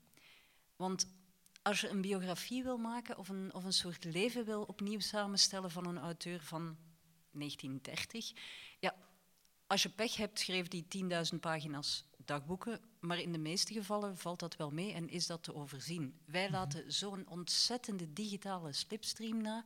Begin daar in godsnaam maar eens de bijzaken van de hoofdzaken te scheiden. En dus je zei daarnet, eh, met die mails, daar denk je wel meer na over dit kan ooit gepubliceerd worden. Waarom dan juist bij mails wel? Goh, iemand heeft ooit helemaal in het begin van het internet, en dat moet in de vroege jaren negentig zijn geweest, tegen mij gezegd: alles wat digitaal is, moet je beschouwen als openbaar. Oké. Iedereen kijkt mee. Big Brother is watching you. Of in elk geval, op elk moment kunnen de spelregels veranderen en kan om het even welke mailserver beslissen dat jouw mails niet langer van jou zijn. Of dat ze bijvoorbeeld verdwijnen. Mhm. Ehm, nog even over schrijven. Hè. We zijn eh, op het einde van het jaar 2020, een, eh, een heel vreemd jaar. Sowieso ook voor jou. Wat betekende dit jaar voor jou als schrijver? Ik denk dat het als schrijver nog wel meevalt, omdat het voordeel met schrijven is dat je het altijd kan doen. En ik denk ook voor schrijvers dat het in zekere zin makkelijker was, omdat wij alles vrijwillig in quarantaine zitten. Maar dat is een van de dingen die ik heb ontdekt in de eerste quarantaine. En die bleek op te gaan, want ik heb dan een kleine rondvraag gedaan voor heel veel mensen met een creatief beroep. Dat is een misvatting. Er is een essentieel verschil tussen een zelfgekozen quarantaine en een opgelegde quarantaine. Waar ligt dat verschil juist? Ik denk in de vrijwilligheid. In een zelfgekozen quarantaine zeg je: ik ga nu naar binnen kijken en alle impulsen die er zijn geweest omzetten in iets dat ik wil scheppen. In een opgelegde quarantaine denk je plots: ik ben opgehokt. Ik wil helemaal nu niet productief zijn. Ik wil naar buiten. En, en er komt toch een, een zeker verzet. En het is ook heel moeilijk om. Voor het eerst in mijn leven had ik het gevoel dat ik zat te wachten op inspiratie die moest neerdalen. En Omdat wat, doe ik... je dan? wat doe je dan? Goh, ik denk. Ik heb het voordeel dat ik heel veel verschillende soorten van schrijven doe. Ik doe voor een deel schrijven in opdracht. Ik schrijf dingen voor theater, voor muziektheater. Dat zijn sowieso projecten waar deadlines op zitten, die ten dele opdrachtwerk zijn. Dus waar je op een andere manier mee omgaat dan met een roman, een boek, waar je toch die vrijheid in wil. En ik denk dat ik veel meer van dat soort projecten heb afgewerkt. En eigenlijk, wat het echte vrije schrijven betreft, nog nooit zo weinig heb geschreven als dit jaar. Precies omdat die opsluiting niet zelf gekozen was. Vind je dat jammer? Ik vond het in dit geval meevallen, omdat ik... Ja, ik heb dit jaar drie boeken gehad die verschenen, dus ik eh, vond dat het qua productiviteit wel even goed geweest was. En na elk boek komt er ook altijd een soort van... Noem het een postnatale depressie, noem het een zwart gat, noem het een periode van loslaten, waarin dat nieuwe boek er ligt. En je ten eerste moet gaan beseffen, wat heb ik eigenlijk geschreven? Want ik weet het nooit. Op het moment dat het af is, ik weet het nooit. Het duurt drie, vier maanden en gelukkig is dat ook de tijd van de redactiefase en de druk. Dus tegen de tijd dat het in de winkel ligt en dat de eerste interviews komen, heb ik een idee wat, wat ik heb geschreven en waarom. En dan moet je dat ook weer gaan loslaten, want je bent voor een boek ben je heel dicht in een personage gaan staan, je bent in een verhaal gaan staan, je bent in een stijl gekropen. En om van daaruit meteen aan iets anders te beginnen, ja, voor mij werkt het niet, omdat de dingen die ik doe altijd heel verschillend zijn. Maar je hebt dus, als ik het goed begrijp, dit jaar drie postnatale depressies gehad van jouw boeken. Ja, gecombineerd met drie gewone depressies over grote podiumperformances die hadden moeten plaatsvinden en niet plaatsvonden. En treurnis over twee projecten die hadden moeten opstarten en niet opstarten. Dus dat is wat we verloren hebben. Dat is een hele hoop. Hè? Is er tussen die, um, ja, eigenlijk die wildgroei aan, aan depressies en, en is daar ook de ruimte ontstaan voor, voor iets nieuws? Ja, en dat vind ik misschien wel het hele mooie. Dat is wat we gewonnen hebben. Er is in deze periode, net doordat alle logische structuren van creatie van officiële zijde gesloten zijn, dus hoe groter de productie, hoe minder kans dat je ze kan doen, is er een soort vrijheid of vrij plaats ontstaan waarin projecten zuurstof en leven vinden die in normale tijden nooit zouden kunnen ontstaan. En een van de mooie voorbeelden daarvan vond ik um, Besmette Stad. Dat is een project van de buren, waarbij ze heel veel mensen hebben gevraagd om Bezette Stad van Paul van Ostaaien om te zetten naar Besmette Stad. En in die loterij trok ik Hollehaven, het langste gedicht uit de bundel. En ik maakte daar een corona-versie van. En van zodra het af was, dacht ik, dit mag hier niet stoppen. En misschien had het ook te maken met het voorlezen en, en met het feit dat ik die van Ostaaien al had voorgelezen. Maar daar is een soort enthousiasme ontstaan van we willen hier ja, een, een audioversie van maken die dan een soort mengeling wordt tussen slam of spoken word, maar dan met hedendaags klassieke muziek. Zodanig dat van die genres die elkaar nooit raken, dat die toch samen iets gaan vormen. En we zijn dat met vier kunstenaars in quarantaine via Zoom beginnen ontwikkelen. Geweldig. En dat was gewoon heel tof. Oh, super. We gaan het er straks nog even over hebben en ook over die vrijhaven die er nu ontstaan is. Maar we gaan eerst, er, zijn, uh, er is weer al een nieuwe combinatie naast ons komen zitten, Lender de Vroei en Danny de Jong. En we gaan het hebben over, um, over collectes en uh, goede doelen. Kerst is meestal uh, die traditionele periode van goede doelen, collectes, kinderkoren, de warmste week, dit jaar helaas niet. Maar uh, voilà, en daar zijn Lennart en Danny mee aan de slag gegaan. Welkom jongens. Hallo. Hallo. Vertel eens, jullie zijn uh, gaan kijken naar die kerstcollectes en uh, goede doelen en inzamelacties. Ja, we hebben natuurlijk in de aanloop naar de verloren dagen die we wilden maken, hebben we veel uh, gebrainstormd over wat, wat er hartverwarmend is. Mm. Um, dus ja, je komt er toch snel op uit dat dat het vaak gaat over emoties. En um, er is toch ook zoiets, uh, dachten wij, als de economie van emoties. Um, misschien over emoties, misschien moet daar een, een leuk een bedje of tapijtje bij. Uh. Ah ja, misschien ja. kunnen we een zal tapijtje ik, uh, eronder steken. Zal die, ik een tapijtje opzetten? Wacht, hè, ik ga eens kijken. Ik heb hier een iPad met van alles liggen. wacht, hè. Zoiets? Ja. Wat denken jullie? Zo, ja. Oké, okay, voilà. Ideaal. want goede doelen. Het is natuurlijk een tijd van, van veel goede doelen. Um, het zijn vaak hele mooie initiatieven, maar het was ons ook opgevallen dat uh, daarbij toch vaak ook um, ja, de, de, de verpakking soms boven de boodschap gaat. Of, of dat was iets dat we, dat we graag wilden onderzoeken. Daarom hebben we elkaar uh, uitgedaagd met een soort zelfbedachte concept. Dus Danny en ik zijn dan aan het werk gegaan om ja, elk een minuutje audio te maken die dan zou moeten dienen als een audio-reclamespot voor een fictieve VZW, de VZW Giving. Um, en dat hebben wij gedaan. Oké, okay, en hoe zijn jullie juist te werk gegaan? Wel, um, ik ben eerst gaan zoeken op YouTube en je vindt daar heel veel tearjerkers, heel veel video's die ja, waar je toch direct van begint te huilen. Soldaten die terugkomen van, uh, van het front. eh, kleine hondjes die heel ontroerende dingen doen. Maar er is ook bijvoorbeeld van De Warmste Week, die inderdaad dit jaar eh, in een andere vorm eh, bestond, ehm, eh, is er wel een goed voorbeeld, namelijk samenzang. En daar wil ik even een stukje van laten horen. Zet het even op. Dat is een eh, familie uit Ode. Die mooi samenzingt. Prachtig. Broers en zussen. Ja, ja, ja. Oké. ene bakt een koek, de ander keek. En de ander keek, ja. Dus laten we het daarbij Wij houden. zingen voor de warmste.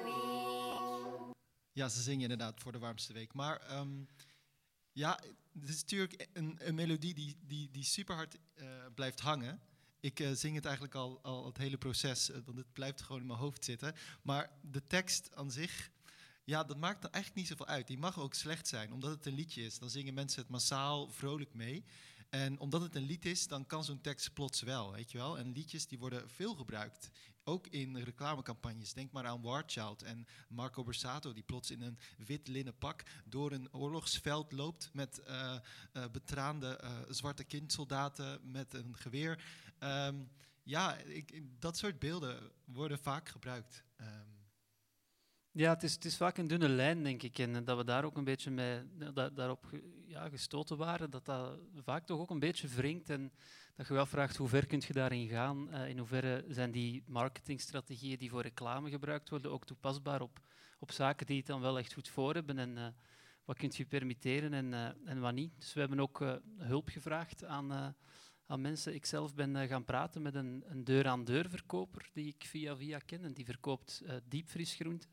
Die wist mij eh, te vertellen eh, als, als tip voor mijn spotje dat ik eh, rekening zou moeten houden met het gifts-principe, waarbij de, de G staat voor the got to have it, de I voor de indifference, de F voor fear of loss, de T voor de Jones-effect en de S voor de sense of urgency. Ik neem aan dat ik een paar dingen daarvan nog moet, moet uitlichten. Wat bijvoorbeeld een goede vond om te onthouden was de, de indifference waarover hij vertelde. Het komt erop neer, wees niet te veel een verkoper, want mensen kopen graag, maar ze willen niet verkocht worden. Eh, dus eh, ja, dat heb ik proberen meenemen. En eh, ehm, de Jones-effect vond ik ook interessant in, in verband ook met, met collectes, omdat er daar vaak ook een soort collectief gevoel speelt. De Jones-effect, afkomstig van een film, waarbij is echt een, eigenlijk een vrij arme buurt, waar plots één familie een duurdere auto op de oprit zet en dan gaat de bal aan het rollen, omdat iedereen wilt, eh, ja, wilt mee zijn, keeping up with the Joneses. En zo heeft plots iedereen die, die auto. En dat is iets wat ik wel een beetje herken in bijvoorbeeld eh, wa- wat men dit jaar nog doet met de warmste week, van hang allemaal een vlammetje, want het lijkt bijna als je geen vlammetje hangt, eh, dat, ja, dat je wel een heel slechte mens moet zijn of zo. Ja, inderdaad. Ik heb, ik heb het dan ietsjes dichter bij YouTube gezocht. bij Pieter Jan, a.k.a. PJ van het YouTube-kanaal Super Content. Of eigenlijk eh, was het gewoon kerst met mijn knuffelcontact dat later mijn lief werd.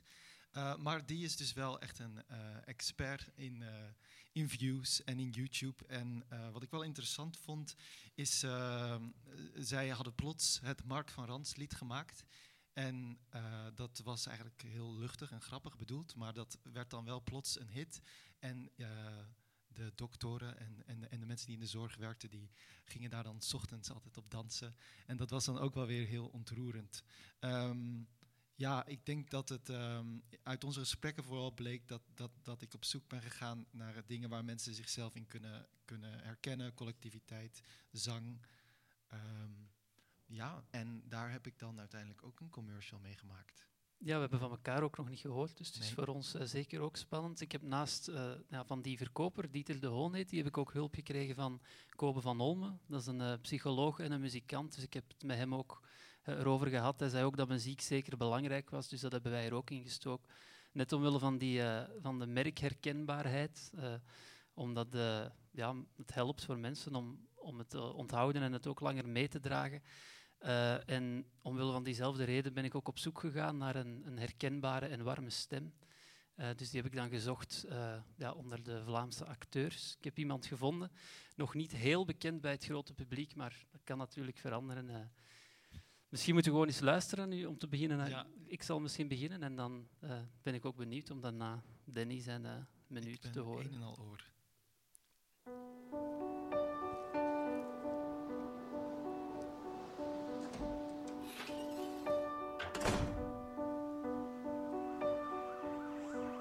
Je ziet het niet altijd, maar je kan het horen. Als je goed luistert.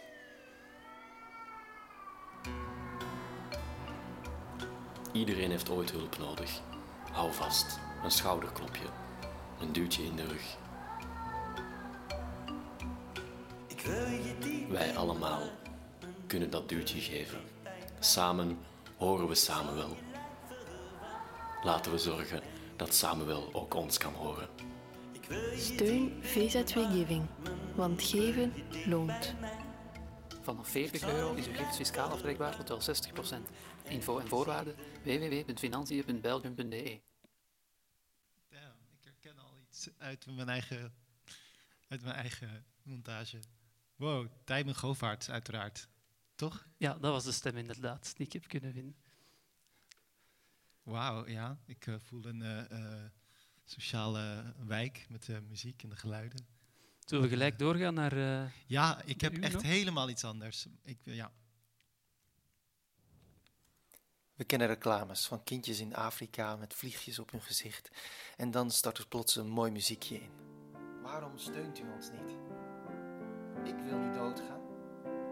Laat mij niet doodgaan. De keuze is aan u. Of ze gebruiken de kracht van een liedje, want meezingen, dat werkt altijd. Niet alleen doodgaan. Het maakt niet uit. Laat me maar alleen. De keuze is aan Of we het nu met een musical doen of niet, wij willen gewoon dat u geeft. Dat vinden wij belangrijk. Stort u toch niet? Ik wil niet doodgaan. Laat mij niet dood. Steun VZW Giving, want geven loont. Bijdragen boven de 30 euro zijn fiscaal aftrekbaar. Ja, we hadden dus allebei dezelfde fiscale aftrekbaarheid eh, gevonden. Ja. Want dus effectief voor de mensen thuis, giften boven de 40 euro zijn fiscaal aftrekbaar. Bij deze. Ehm, heel hard bedankt, Lennart en Danny. Ja, we zijn ook benieuwd ehm, ja, voor wie van ons eh, de mensen het meest eh, geneigd zouden zijn om hun portefeuille open te trekken. Dus eh, laat het zeker weten. Bij ons zit ook nog steeds Naboe Klaarhout, muzikante, tromboniste. Ehm Naboe, voor welke commercial zou jij geld geven? Maar ja, ik vind het wel heel moeilijk, want ze zitten ook alle twee naar me aan te staren. Kies voor mij. Ehm, ik, ik vind het doodgaan nogal, nogal heftig, dus misschien toch wel daarvoor. Dan denk ik dat ik me het best zou voelen achteraf. Ja, dus, Als ik, dus eh, die van Danny dan bedoel ja, de tweede. van, ja, voilà, de tweede. Oké, dus eh, dat, is eigenlijk, dat, dat, dat raakt je net iets meer. Ja, ik zou me beter voelen daarbij als ik het dan heb gegeven. Uiteraard boven de 40 euro. Maar eh, dan zou ik me wel... Ja, dat, dat klinkt iets, iets, iets erger, zieliger. Ja, is dat... Ja, oké, proficiat Danny bij deze. We gaan nog eens luisteren hè, naar Naboe. Ja. Voor de mensen thuis, doe je ogen nog eens dicht. Ga nog eens bij die kerstboom zitten. Neem snel nog een eh, glas warme melk of wat dan ook.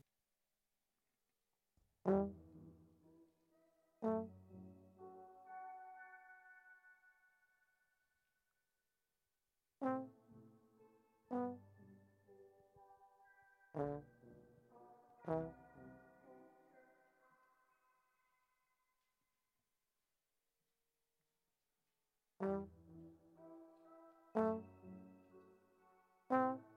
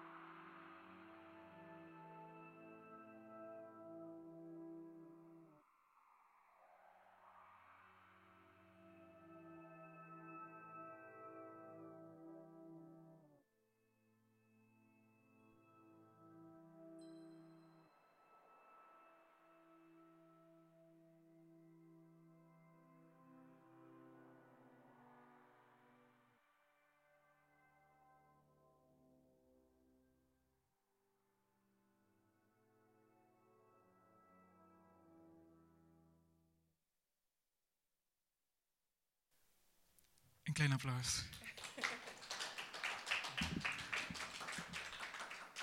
Jawel, hopelijk hoort u, eh, voelt u het thuis ook zo zinderen als bij ons hier in de studio. Eh, dit was Naboe Klaarhout met de compositie Greybeard. Naboe, ben jij niet buiten adem?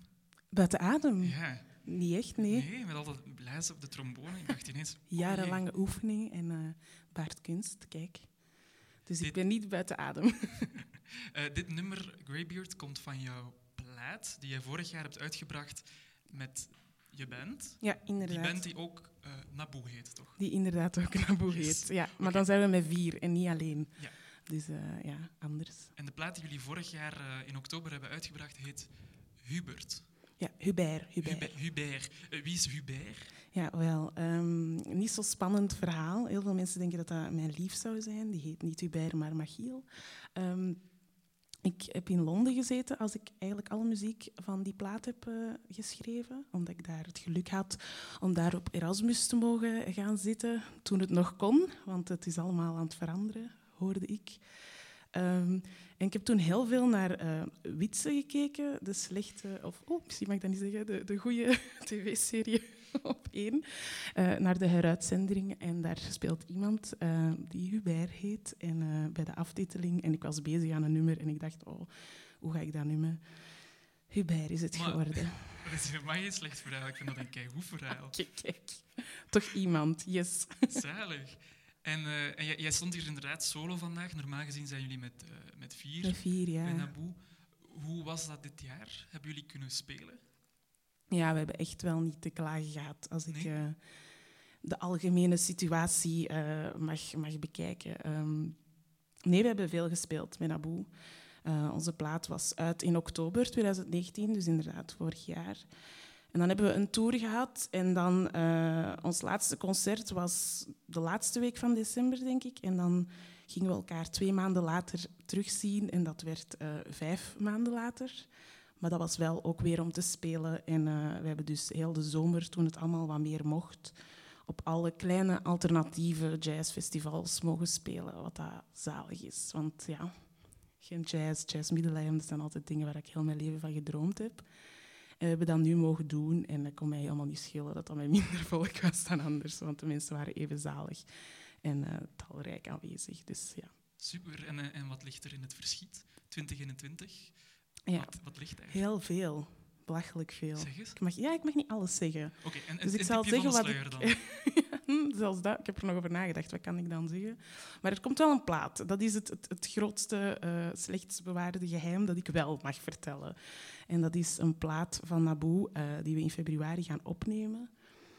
En eh, ja, voor de rest eh, hoop ik dat we die in oktober volgend jaar eh, live mogen uitbrengen. En dat de mensen die dan weer massaal gaan kopen en ernaar gaan luisteren. En dat daar dan uiteraard ook weer een heleboel concerten aan mogen gaan hangen. Ehm, dat kan ik wel vertellen. Super. Oké, voor de mensen thuis, schrijf die naam op. Naboe, schrijf dat op. Zoek dat op, speel dat af en koop die plaat. Merci. Heel erg bedankt, Naboe Clara. Jullie bedankt. Merci dat ik nog eens buiten mocht komen door jullie. Dank Dat u. is heel graag gedaan.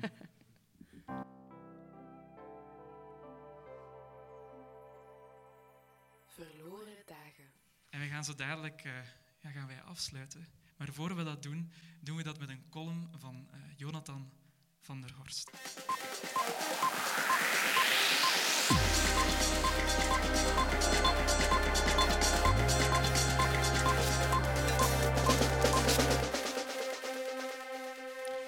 Als ik dit jaar één ding echt terug ontdekt heb, dan zijn het grenzen.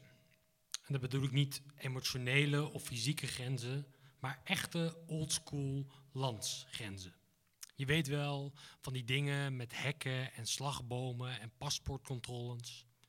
Eh, ik ben zelf namelijk arbeidsmigrant, dus ik ga nogal eens de grens over om eh, vrienden of familie te bezoeken. Maar ik was zelf eigenlijk alweer een beetje vergeten dat die dingen bestonden. Eh, ik bedoel, eh, vroeger telden we als we op weg waren naar Spanje of Italië nog wel, eens eh, eh, nog wel eens af naar het moment dat we de grens met België passeerden. Omdat we dan op zijn minst al niet meer thuis waren. Maar sinds de coronacrisis, voor, voor de coronacrisis viel het me eigenlijk al niet eens meer echt op. Op een bepaald moment heb ik zelfs die sms'jes die je altijd als je naar het buitenland gaat uitgezet. of die je krijgt als je altijd naar het buitenland gaat uitgezet, omdat ik er horendol van werd. De, de overgang tussen Nederland en België was voor mij zo smooth geworden dat het leek alsof ik in één groot Neder-België leefde. Eh, Tot er dan een paar Hollanders de stiltecoupé binnenstappen, eh, een keihard een gesprek over kaas beginnen en ik meteen weer terug naar België verlang. Maar van die soepele overgang van land naar land was dit jaar sowieso weinig sprake. Eh, Zo ben ik in april eens gaan fietsen. Want ja, zelfs ik, die sporten altijd als pure tijdsverspilling heb beschouwd, ben dit jaar aangestoken geraakt door het sportvirus. Ik heb volgens mij nog nooit zo gezond geleefd. En, en dan heb ik de verbeterde luchtkwaliteit zonder al die vliegtuigen nog niet eens in de berekening meegenomen. Maar goed, ik dus voor een paar duizend ballen een koersfiets gekocht. Met zo'n pakje en al, een klakske, handschoenen. Ik heb echt nog nooit zoveel geld uitgegeven om er zo dom uit te zien. Maar ik dus op stap met een vriend van mij. Hij had de route uitgestippeld, noordwaarts vanuit Antwerpen. Dus wij fietsen, fietsen over de meest achterlijke boerenpaadjes, helemaal back af. Valt halverwege zijn telefoon uit. Dus wij zoeken, zoeken, nergens iets te vinden, geen enkel herkenningspunt. Zien we in de verte ineens twee agenten staan. We willen al bijna beginnen zwaaien. Eindelijk iemand die ons de weg kan wijzen, tot we plots beseffen dat het twee Nederlandse agenten zijn. We zijn zonder dat we het door hebben gehad aan de Nederlandse kant van de grens beland, w- waar we op dat moment natuurlijk helemaal niet mogen zijn. En, nou ja, nu kan ik nog wat doen alsof ik Johnny uit de Jordaan ben, maar, maar, die vriend van mij die komt uit West-Vlaanderen, dus dat zat er mooi niet in. Dus wij eh, rennen. Of, of, of nou ja, eh, fietsen. Fietsen, fietsen, fietsen. Het, dwars door weilanden en door bossen. eh, uit het zicht van mensen proberen te blijven. In de open lucht slapen. eh, terwijl je in de verte wolven hoort janken. Omkomen van de honger en de dorst. Tot we uiteindelijk door het prikkeldraad in een onbewaakt stukje omheining heen. een veilige plek op Belgisch grondgebied. Op, op veilig Belgisch grondgebied belanden. Mijn fietspak was wel helemaal naar de kloten. Maar om die ballenknijper heb ik geen traan gelaten. Want dat is dus wel wat er gebeurt, hè? Als je denkt dat iets niet meer bestaat.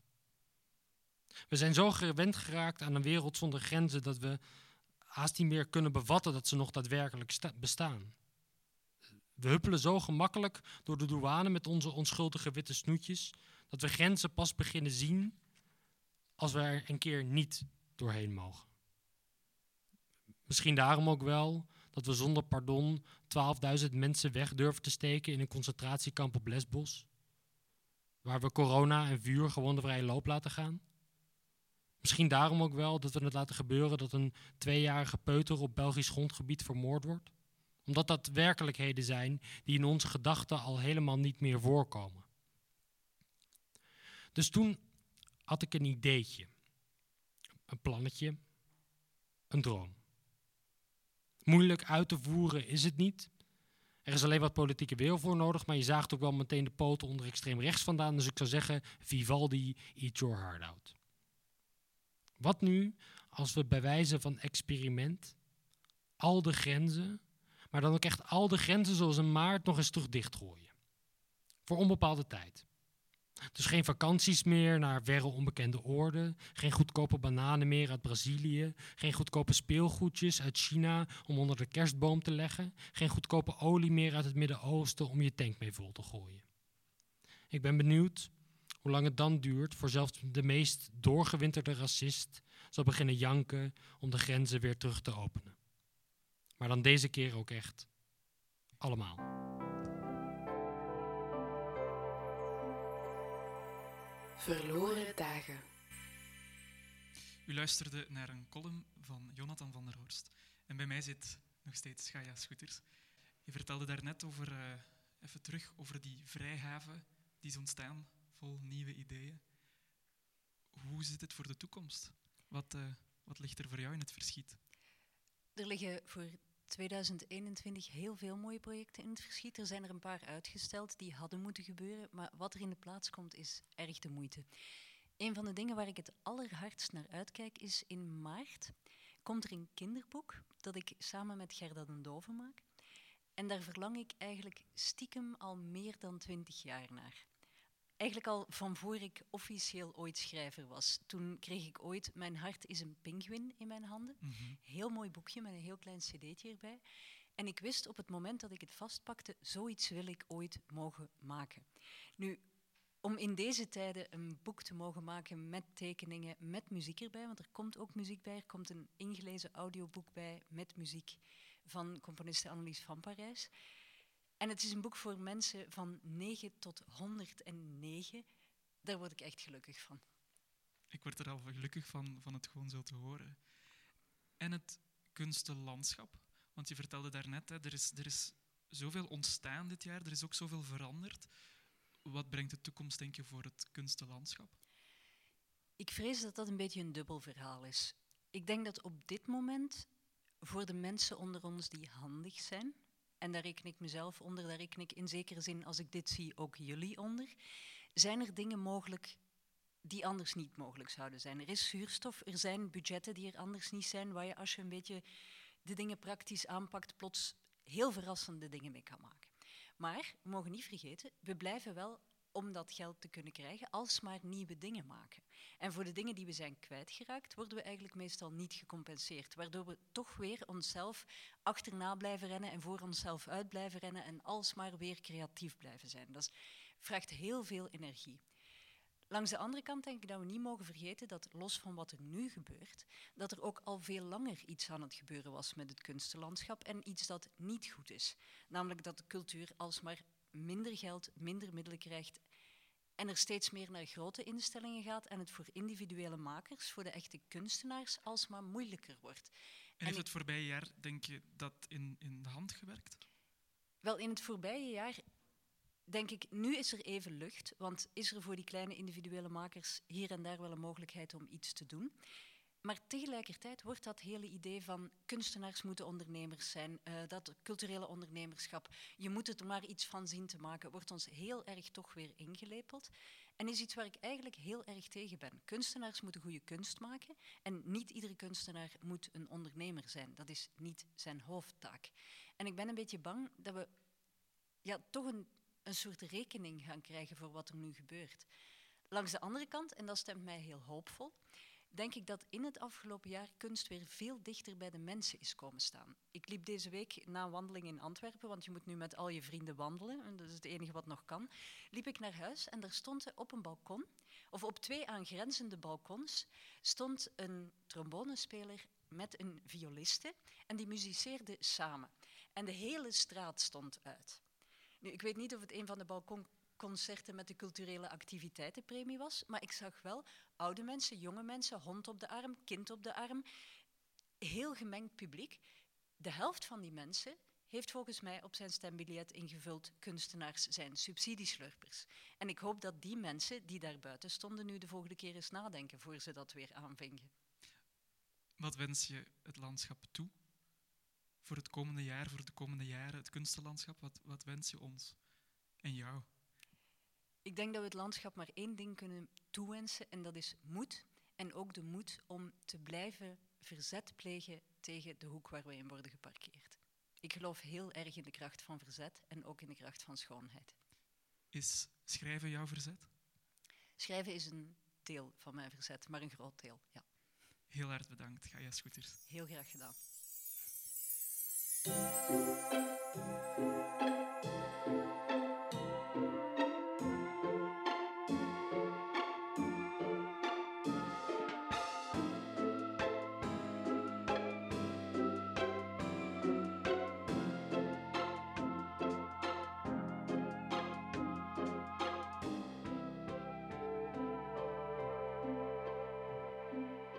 Verloren dagen. Drie dagen hartzelvende radio tussen kitsch en hoop. U luisterde naar de eerste aflevering van Verloren Dagen, een radioprogramma van collectief Zink. Voor meer nieuws, eh, volg ons op Facebook en Instagram, dat is Zink. U kan ons ook nog steeds bellen op ons telefoonnummer, dan eh, komt u bij ons antwoordapparaat. Dat nummer, schrijf het op, neem snel een balpen, dat nummer is 0489 92 4221. en vertel ons daar meer over jouw verloren dagen. Vandaag hadden we schrijfster Gaia Scooters te gast. Ik wil Gaia bedanken, wat ook muziek van Naboe klaarhoudt. Ik wil Naboe bedanken. We zaten in het prachtige gebouw van de Nieuwe Tijd in Antwerpen. Ik wil hen ook bedanken. En natuurlijk ook Radio Centraal. Geniet van uw avond. Sluit deze verloren dag in schoonheid af. En uh, blijf nog even hangen.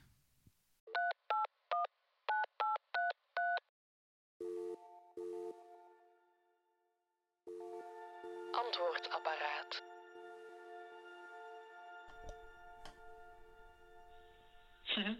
Ik vind het best spannend om te vertellen wat ik verloren heb en wat ik gewonnen heb in dit coronajaar. Um, maar ik denk wat we met z'n allen zeker verloren heb, hebben, of wat ik toch heb verloren, um, zijn de knuffels van, uh, van vrienden en de, de warmte en genegenheid om samen te komen en samen te drinken en samen te discussiëren en te babbelen over van alles en nog wat. Um, ja, we hebben ook veel dingen gewonnen natuurlijk. Zo heb ik een, een job gewonnen en uh, heb ik ook meer uh, tijd gewonnen en meer ruimte gewonnen om de dingen te doen die ik graag doe. En uh, um, wat ik zeker wil meenemen naar 2021 um, is toch wel de liefde die ik gevonden heb, die eigenlijk net naast mij lag. namelijk de liefde die nu aan het ontstaan is voor voor mijn buurmeisje, uh, waar, ik, uh, waar ik toch hopeloos uh, verliefd op aan het worden ben en waar het ontzettend fijn vertoeven mee is. Dus uh, haar wil ik zeker, zeker meenemen naar 2021. En ik hoop ook ehm, dat we met z'n allen ons wat minder um, persoonlijk zorgen kunnen maken uh, over de toekomst of zo. En dat we minder zorgen mogen hebben uh, over de dingen die we toch niet kunnen controleren. En dat de tijd en de ruimte die er nu is tot nadenken ook wel uh, nog steeds mag blijven bestaan. Want geef toe, die is toch ook wel soms fijn. Tot ziens. Dag.